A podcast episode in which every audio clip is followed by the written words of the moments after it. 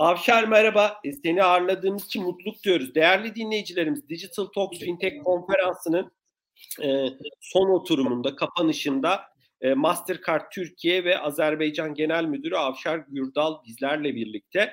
E, bu etkinliklerimize demin bahsettiğim gibi her zaman ulaşabilirsiniz YouTube'dan. Avşar e, seni ağırladığımız için mutluluk duyuyorum. Bu arada biz daha önce Yiğit Çağlayan'ı e, çok ağırlamıştık etkinlikte. Hakan'ı ağırladık Mastercard'dan ama seni ilk kez ağırlama fırsatımız oldu. Çok teşekkür ediyorum katılımın için. Ben size teşekkür ederim. Çok mutluyum burada olmaktan dolayı. Herkesi saygıyla selamlıyorum. Çok teşekkürler. Avşar, sonuçta Mastercard hani dünyanın önde gelen köklü fintech şirketlerinden bir tanesi. Ee, sen de e, Azerbaycan ve Türkiye Genel Müdürüsün. Siz bu dönüşümü e, nasıl görüyorsunuz? Hani nasıl bakıyorsunuz buna? Sonra tabii e, Mastercard'ı da e, konuşalım. Yani bu dönüşüm içinde Mastercard'ı nasıl konumlandırdığınızı da nasıl pozisyon aldığınızı da ayrıca konuşuruz. Hatta bunu birleştirerek istersen konuşalım. Ben sözü sana bırakıyorum. Peki o zaman. Şimdi birkaç temadan bahsedeyim aslında. Dünyada finansal ekosistemde neler oluyor? Ee, sonra da dediğin gibi Mastercard tüm bu temalarda kendini nasıl pozisyonluyor ona geçelim. Şimdi dijitalleşme ana temamız. Yani aslında e, bizim de ana işimiz değil mi? Tüm e, ekonomiler dijitalleşiyor. Dünyada e, yapılan hane halka harcamalarının %35'i dijitalleşmiş durumda. Ülkemizde de %45'i dijitalleşmiş durumda. Bu çok tabii bunun iki bacağı var. Kart kabulü ve kart ihracı. Her iki tarafta da yeni oyuncuların piyasaya girmesiyle, mevcut oyuncuların değer önerilerini zenginleştirmesiyle beraber dijitalleşme çok hız kazanıyor. Şimdi bir diğer tüketici teması hayatımız daha senkron bir hale geliyor. Yani hız diğer bir bir e, tüketiciler nezdinde bir tema. Ne demek istiyorum? Aslında eskiden siz diyelim evleneceksiniz değil mi? Bir ev alışverişi yapacaksınız. Eskiden giderdiniz bir önce bir bankanın müşterisi olurdunuz. Ondan sonra giderdiniz o krediyi belki başka bir gün o krediyi çekerdiniz. Sonra giderdiniz o nakitle harcama yapardınız. Evinizi e, ev eşyası alırdınız, ev kiralardınız. Aslında hayatın senkronlaşmasından kastım şu. Bütün bu akış, zamana yayılan bu akış çok daha anlık bir yere doğru gidiyor. Yani krediden örnek verdik ama artık diyelim bu e, yine aynı kişi e, evine bir buzdolabı alacakken gidip aslında buzdolabını alacağı mağazaya o mağazada o krediyi kullanıp e, taksitlendirip alışverişini e, o işlem anına belki o işlem anında o bankanın müşterisi haline geldiği akışlar hayatımıza girdi. Tabii bu bir örnek. Bu hayatın birçok alanında var. Sadece tüketiciler için de değil, kobiler için de, ticari işletmeler için de hayatın daha senkron ve hızlı olduğu bir yere doğru gidiyoruz.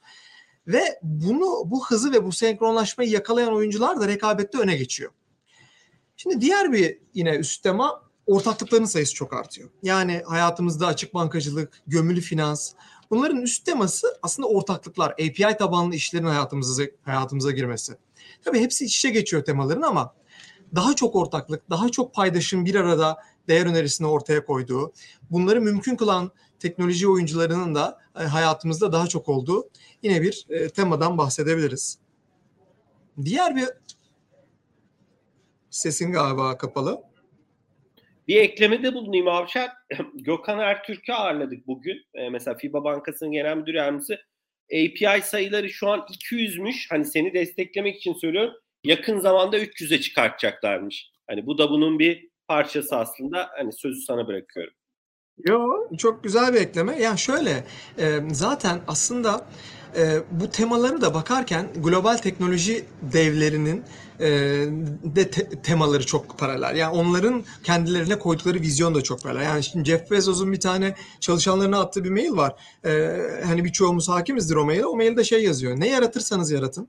Neyi geliştirirseniz geliştirin API tabanlı geliştireceksiniz. Böylece biz onu dış müşteriye de satabileceğiz. Yani siz bugün Amazon'un servislerinin birçoğu aslında önce içeride kullanılmak üzere yaratılmış servisler. Ee, AWS, Amazon'un server hizmetleri, e, Amazon'un analitik servisleri. Hepsi aslında bir iç ihtiyaçtan doğuyor ama aslında şirketin vizyonu bunları API tabanlı yaparak dış müşteriye de satabilmek üstüne kurulu. Bu da onun çok güzel bir örneği. Bunu daha iyi yapan, daha çok yapan da yine rekabette öne geçiyor. Ee, bir diğer tema ekosistem oyunu. Yani birçok oyuncu bugün e, bugün bankalarda, bugün pazar yerleri de, demin konuştuğumuz dijital e, oyuncular da, teknoloji oyuncuları da aslında kendilerini ekosistem oyuncusu olarak tanımlamaya e, başladılar. Yani müşterinin müşteri hakkında en çok bilgiye sahip olmak ve müşteri hakkında en çok e, e, servisi değer önerisini ortaya koyabilmek gibi bir, bir tema var. Yani bugün bakarsanız Google gibi bir firma neden bir termostat şirketi satın alsın? Neden Nest diye bir şirket satın alsın?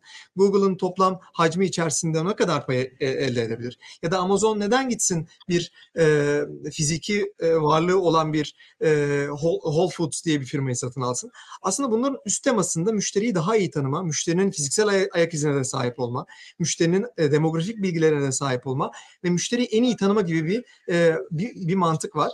Müşteriyi en iyi tanımak peki neden önemli? Müşteriyi en iyi tanıyan kurum müşteri hakkında en doğru kararı veren, müşteriye en doğru değer önerisini, en doğru teklifi, en doğru fiyattan sunan kurum e, demek oluyor. Aslında ekosistem oyunu kurmak da biraz müşteri hakkında mümkün olduğu kadar çok bilgiye sahip olmak, e, bünyesine o bilgileri e, katmaktan geçiyor. O bilgileri katarken de sadece satın almalarla değil, ortaklıklarla da o bilgilere sahip olma gibi yollar izliyorlar.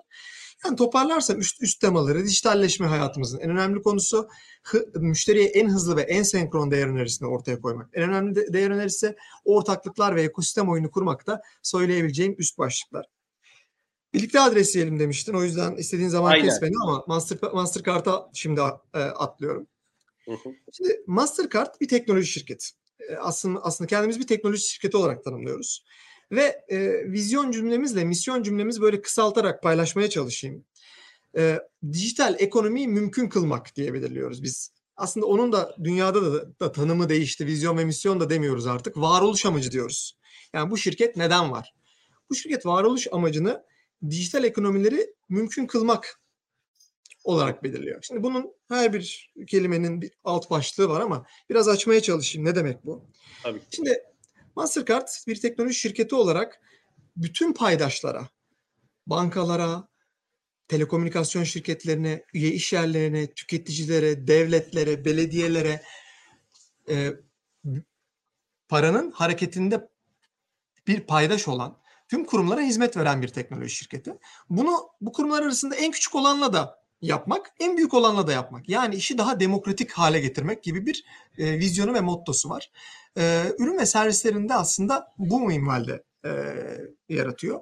Tabii Mastercard resme bir teknoloji şirketi olarak resme sadece de ödemeler olarak da bakmıyor. Aslında paranın tüm hareketleri.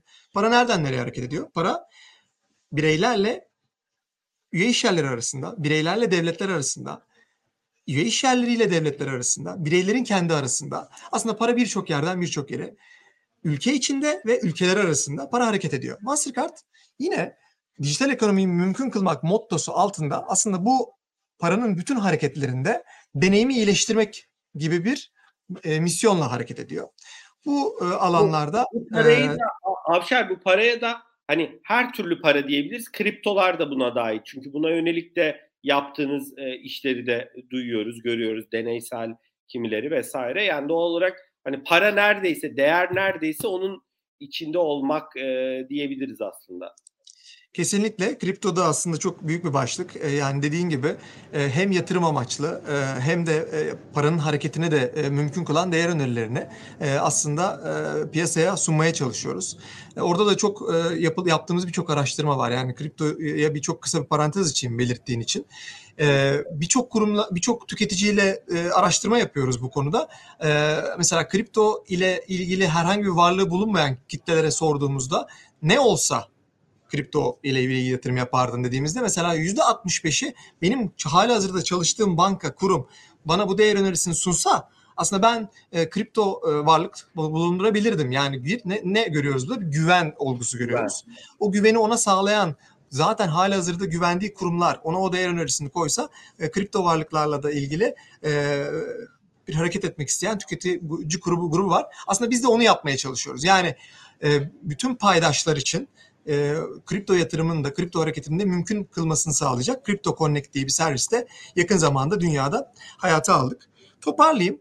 Aslında Mastercard olarak biz paranın tüm hareketlerinde e, bu hareketin deneyimini iyileştirecek e, yatırımlar yapıyoruz. E, paranın yurt dışı gönderimi ve yurt içi gönderimini gerçek kişilerin birbirlerine yaptıkları paraların transferlerinde e, deneyimi iyileştirecek satın almalar yoluyla e, ciddi bir operasyon yürütüyoruz. Hala hazırda yürüyen ödeme sistemleri e, operasyonumuza ek olarak yine yine kurumların birbirleriyle yaptıkları tahsilatı kolaylaştıracak çözümleri hayata alıyoruz.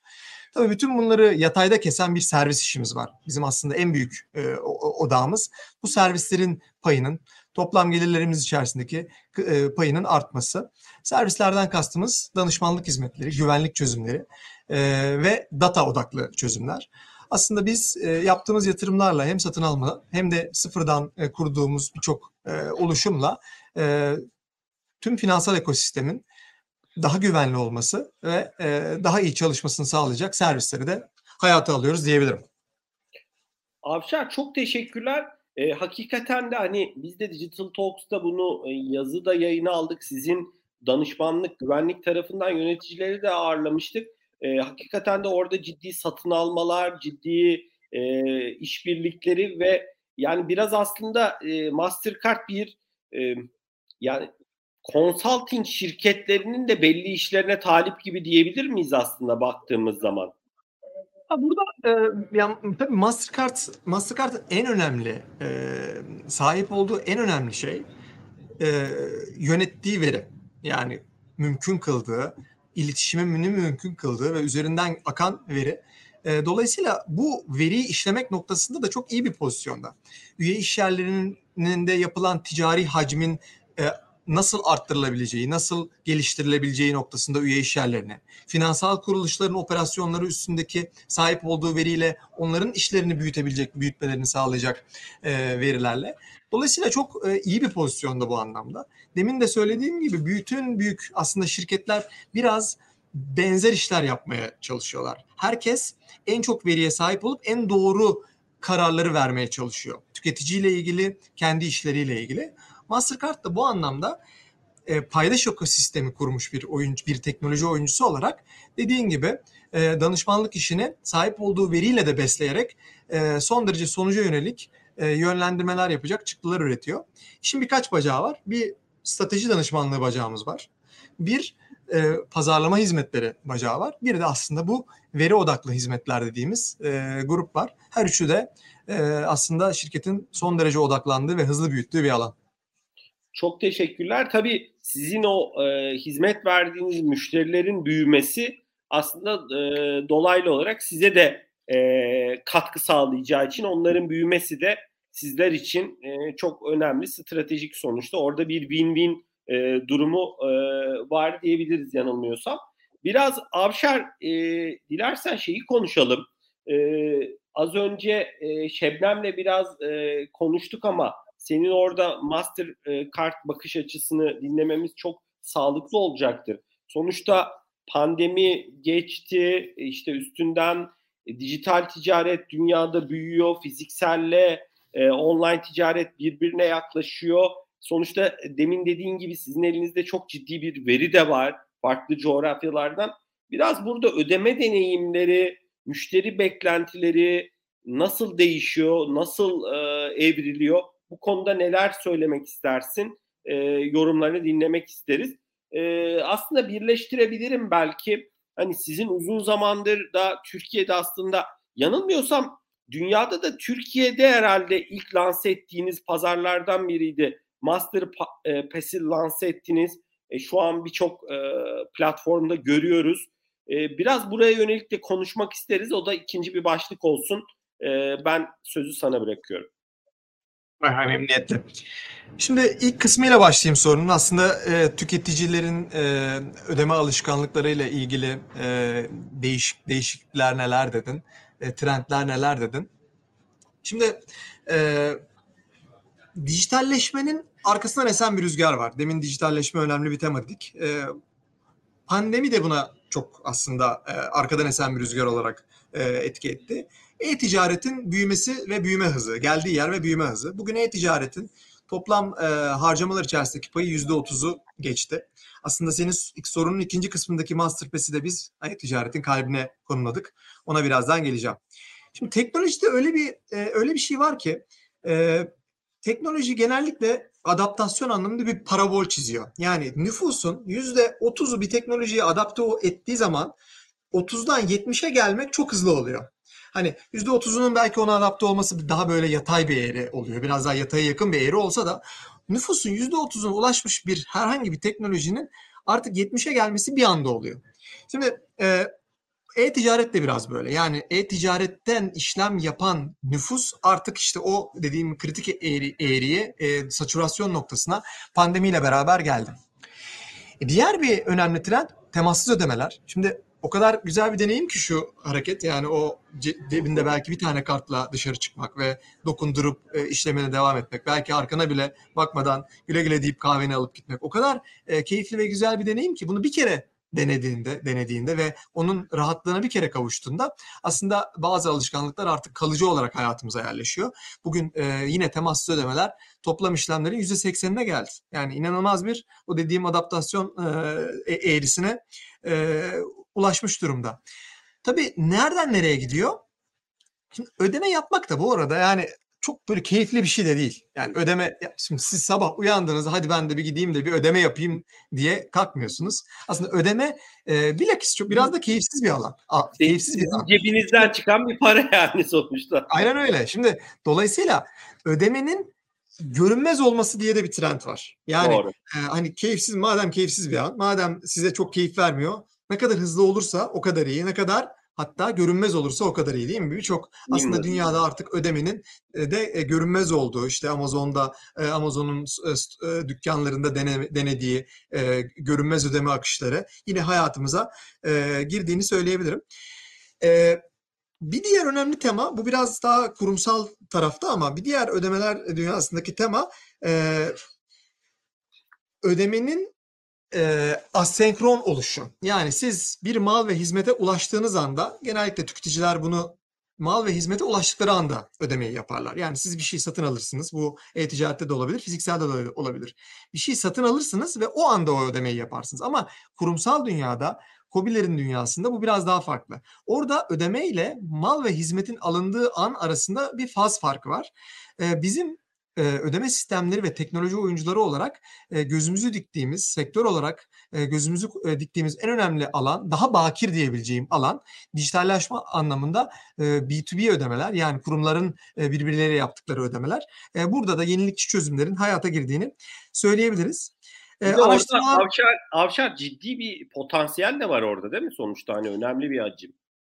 Kesinlikle yani demin ne dedik? Türkiye'deki dijitalleşme hane halkı harcamalarının dijitalleşmesi anlamında %45 gibi bir orandan bahsettik. Bunun kurumlar arası kısmındaki ne kadarının dijitalleştiğini konuşacak olursak %10'un altında. Yani Doğru. daha orada yolun çok başındayız. Ee, orada değer önerileri anlamında gidecek çok yolumuz var. Sorunun bir yerinde e, şey demiştin, e, hani araştırmalardan e, bahsetmiştin. Hı hı. E, şu birkaç tane şeyden bahsedeyim. Şimdi tüketiciler ta, artık tabii ödemeler alanında e, tabii rahata o kadar alışmış ki şey diyor mesela so, yaptığımız yakın zamanda araştırmalardan birinde dijital ödeme yapamıyorsan yine de alışverişi yapar mısın diye sorduk. %60'ı yapmam demiş. Yani düşün artık o malı ve hizmeti almak e, noktasında bile olumsuz karar veriyor. Eğer dijital bir e, ödeme yapamıyorsak. Mesela fintechler tarafında bir e, soru var. Bir de ondan bahsedeyim. E, tüketicilere sorduk fintechlerle hani e, fintechlerle yüzde 60 fintechlerle çalışmak istiyor. Neden diye sorduğumuzda gerekçe olarak yüzde 30'u kolaylık diyor. Yani aslında demin de e, görüşmenin de başında konuştuğumuz gibi hem değer önerilerini hem de e, tüketicilerin e, aldığı hizmet ve servis hep tüketici beklentileri şekillendirir. Yani tüketici ne istiyor? Tüketici kolaylığı istiyor. Ürün ve hizmetlerini ona kanalize ediyor. E, uzun tuttum buraya ama şimdi ikinci kısmına atlayayım e, sorunun. Yani Masterpass'e biraz odaklanalım demiştim. Masterpass aslında bizim e, göz bebeğimiz diyebilirim. Masterpass Türkiye'deki e-ticaretin itici gücü. Bugün Masterpass e-ticaretin Türkiye'de e, %60'ının geçtiği üye işyerlerinde Masterpass mümkün kılınmış durumda. Tüm e-ticaretin %30'u Masterpass üstünden geçiyor. Yani 3 işlemden biri Masterpass üstünden geçer hale geldi. Birkaç veri daha vereyim. 50 milyon kart, 50 milyondan fazla kart kayıtlı olmuş durumda şu anda Masterpass'te. 35 milyondan fazla kullanıcıya erişmiş durumdayız. 4000'den fazla üye iş yerinde aktif durumdayız. Yani aslında Masterpass E-ticaret için sistemik bir e, bir oyuncu e, konumunda diyebilirim. Avşar ee, orada bir şeyi hani belki belirteceksin ama emin olayım. Türkiye'de galiba ilk lansman yapılan ülkelerden biri miydi? Yani yıllar önce çünkü Yiğit'le sohbetimizde konuşmuştuk ama hani e, hikayesi nedir Master Pass'in? Hani e, örnekte biraz oldu mu yurt dışına? Merak ettiğim için soruyorum. Kesinlikle oldu. Ee, Master Pass'in akışı e, ilk ülkelerden biri. İlk sorunu öyle cevaplayayım. İlk ülkelerden biri. Ve Master Pass Türkiye'de o kadar başarılı oldu ki e, bir, birden fazla deneyim sunmuştu Mastercard. Birden fazla deneyimi denemişti. Farklı ülkelerde farklı deneyimlerle aslında lanse etmişti diyebilirim. O ülkenin beklentileri ve oradaki paydaş ekosisteminin e, durumuna ba- bağlı olarak farklı akışlarla lanse edildi. Fakat Türkiye'deki akış o kadar başarılı oldu ki aslında e, global vizyonu ona evirdi Mastercard. Yani Türkiye'deki akışı e, dünyaya evirdi diyebilirim. O yüzden ülkemiz e, ülkemiz birçok teknolojinin adaptasyonu anlamında öncü. Yani sadece Masterpass de değil. Yani Türkiye nüfusun nüfusun genç oluşu, demografik yapısı, akıllı cihaz penetrasyonu birçok et, etmen var ama bence en önemlisi kültür, yeniliğe açık olma. Ee, bizim kültürümüz yeniliğe e, o kadar açık ki e, birçok teknolojinin adaptasyon hızı ülkemizde daha az oluyor. Masterpass de bunlardan biri oldu. E, ve bu akışın başarısı dünyaya da örnek teşkil etti. E, tabii bitmiyor burada. E, aslında burada durmuyoruz. Şimdi Masterpass'i e, yeni yenilikçi servislerle de e, genişletiyoruz. Masterpass'in üstünden artık tüketiciler sadece kartlarını kaydettiği bir akış değil, Masterpass üstünden kredi kullandıkları bir dünyaya da mümkün kıldık. Artık Masterpass üstünden birçok üye iş yerinde e, siz kredili alışveriş yapabilir durumdasınız. E, anında alışveriş kredisine erişebiliyorsunuz. Orada, orada kimi bankaları mı yani finans kurumlarını mı entegre ettiniz Avşar? Evet, bankalar burada entegre. Ee, üye işyerleri üzerinden yine Masterpass aracılığıyla e, yani burada e, aslında yapmaya çalıştığımız şey e, sizin cebinizde hangi kart olursa olsun, cebinizde banka kartı da olsa Olmasa da. Bu arada kart da olmayabilir yani. Ha, bravo. Aynen öyle onu söyleyecektim üçüncü. Yani kredi kartı olsa, banka kartı olsa hiçbiri olmasa da siz taksitli alışveriş yapabilir e, noktada durumdasınız e, hayata aldığımız üye iş yerlerinde.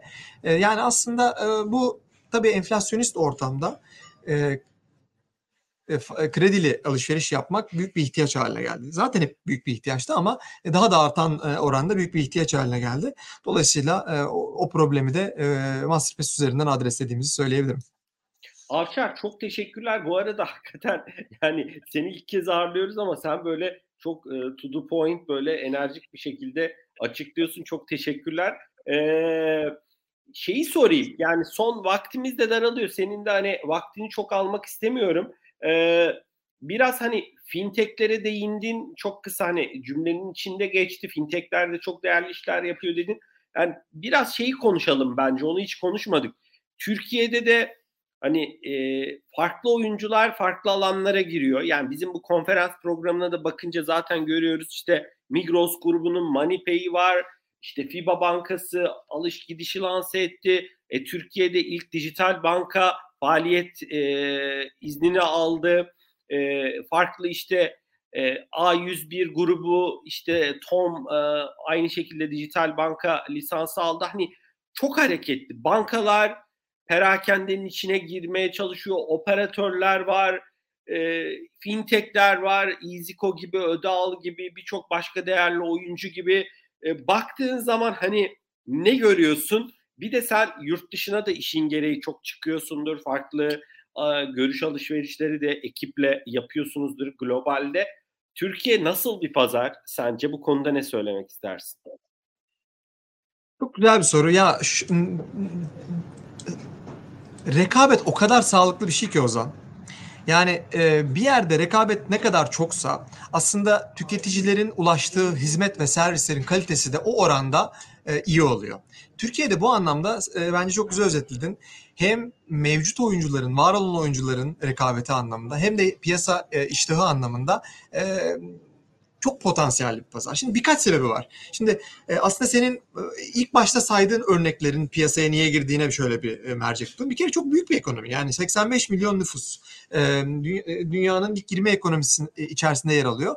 Hem lokal hem global oyuncular burada faaliyet göstermek istiyorlar. E, nüfusun genç oluşu, bankacılık penetrasyonunun geldiği yer. Yüzde yetmiş dedik. Yüzde yetmişi bankacılık ekosistemine girmiş durumda. Hem iyi bir oran hem de hala girememiş bir yüzde otuzluk kitle var. Yani e, hani e, bankacılık e, erişebilir grupta diyeyim hala 20 milyonluk bir, kişi, bir kitle e, bankacılık ekosistemine girememiş durumda. Tabii buna bakan yerli ve yabancı yatırımcı ne diye düşünüyor? Yani 20 milyonluk bir nüfus. 20 milyon bankaların henüz penetre etmediği bir kitle. Müthiş bir potansiyel. Aslında kendi e, iş modellerini, finansal modellerini hesaplarken koydukları en önemli parametre bu nüfus değil mi? İşte o yüzden de e, çokça oyuncu e, piyasaya girmeye çalışıyor. E, dijitalleşme anlamında 45'teyiz dedik. E, e, dijitalleşme 45'te peki dünyada nerede? Şimdi Skandinav ülkelerine baktığın zaman 90'ları görüyoruz. Avrupa'da 65 oranlarını gö- görüyoruz. Bu ne demek? Aslında 45 hızla 60'lara gelecektir e, demek. İşte e, bütün bunları finansal modellerine koyan yatırımcı e, buradaki potansiyeli görüyor ve e, burada e, bir oyuncu olmaya çalışıyor. Demin konuştuk ya adaptasyon hızı. Şimdi siz bir yatırımcı olarak gelip bir e, bir yatırım yapıyorsunuz ve o yatırımın dönüşünü, dönüş hızını hesaplıyorsunuz işe başlamadan önce. Adaptasyon hızı da ülkede yüksek olduğu için özellikle yeni hizmetleri, yeni servisleri hayata almak noktasında e, bu pazarı önceliyorsunuz, önceliklendirmek istiyorsunuz. İşte şimdi al sonra öde çözümleri, fintechler, bütün e, tel, telkoların, telekomünikasyon operatörlerinin e, faaliyetleri, e, e, fintech e, noktasına e-para lisansı alması gibi konuların hepsi aslında bunun, bununla ilintili. Toparlarsam Türkiye hem kültürel olarak hem de nüfusu hem de ekonomisinin konjonktürü anlamında birçok oyuncunun iştahını kabartan bir yerde diye özetleyebilirim. Avşar çok teşekkür ediyorum. Gerçekten de hani birçok konuşmacımız da sen de e, Türkiye fintech ekosisteminin geleceğine yönelik e, çok pozitif yorumlarda bulundun. E, bence hani çok e, ilham verici ve aslında geleceğe de umutla bakmamızı sağlayan bir e, durum. E, çok teşekkür ediyorum. E, bu arada bugünkü konferansı da birlikte kapatacağız Afşar. Umarım ilerleyen dönemde seni açılışlarda da ağırlarız. Hani e, tabii ki kapanışta da ağırlamak çok değerli ama açılışlarda da ağırlarız. E, ben çok teşekkür ediyorum değerli paylaşımların için. Değerli dinleyicilerimiz bugün e, Digital Talks Fintech Konferansı 23'ün kapanışını e, Mastercard Türkiye ve Azerbaycan Genel Müdürü Avşar Gürdal'la birlikte yapıyoruz. Ben bu konferans serisinde e, yaklaşık yaklaşık değil tam rakamı söyleyeyim 17 farklı konuşmacı ağırladık. 17 değerli konuşmacımıza Avşar Bey de dahil olmak üzere ben çok teşekkür ediyorum. Tabii bu etkinlik serisinde e, bizleri destekleyen değerli sponsorlarımız Mastercard'a, Ödeal'a ve EasyCo'ya ve değerli yöneticilerine ben teşekkür ediyorum. Dediğim gibi daha önce bu sohbetleri her zaman YouTube'dan izleyebilirsiniz. Ee, bir sorunuz, yorumunuz olursa bana LinkedIn'den ulaşabilirsiniz. Bu sohbetleri biz podcast olarak da e, Spotify, Apple Podcast gibi platformlarda da paylaşacağız. Bu arada online etkinlik yapmanın Avşar bunu da hani seninle paylaşmak ve dinleyicilerimizle istiyorum. Bir avantajlı tarafı yurt dışından da çok fazla sayıda konuk ağırlayabiliyoruz. Revolut'tan Bertu'yu ağırladık. Az önce Amerika'da çalışan İzge'yi ki Türkiye'deydi şu an izin dolayısıyla ağırladık. Deniz Güven Londra'dan bağlandı. Amacımız da ilerleyen dönemde e, yine e, yurt dışında olan farklı coğrafyalarda Asya olabilir, Amerika olabilir, Orta Doğu olabilir ki e, sizin de Avşar Dubai'de hani önemli bir ekibiniz de orada.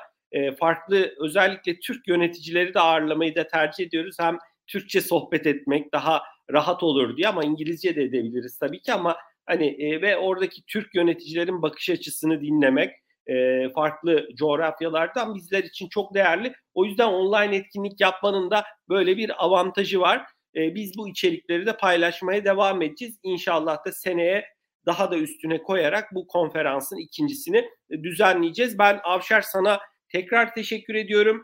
Değerli konuşmacılarımıza ve izleyicilerimize teşekkür ediyorum. E, ve herkese güzel bir gün diliyorum. Avşar senin hani son eklemek isteyeceğin bir şey olursa da e, seve seve dinleriz tabii ki. Ben de herkese teşekkür ediyorum Ozan. Sana ve herkese. Çok sağ olun. Çok teşekkürler. Herkese güzel, keyifli bir gün dilerim. E, yayını ben burada kapatıyorum. Görüşmek üzere. Güzel bir gün dilerim.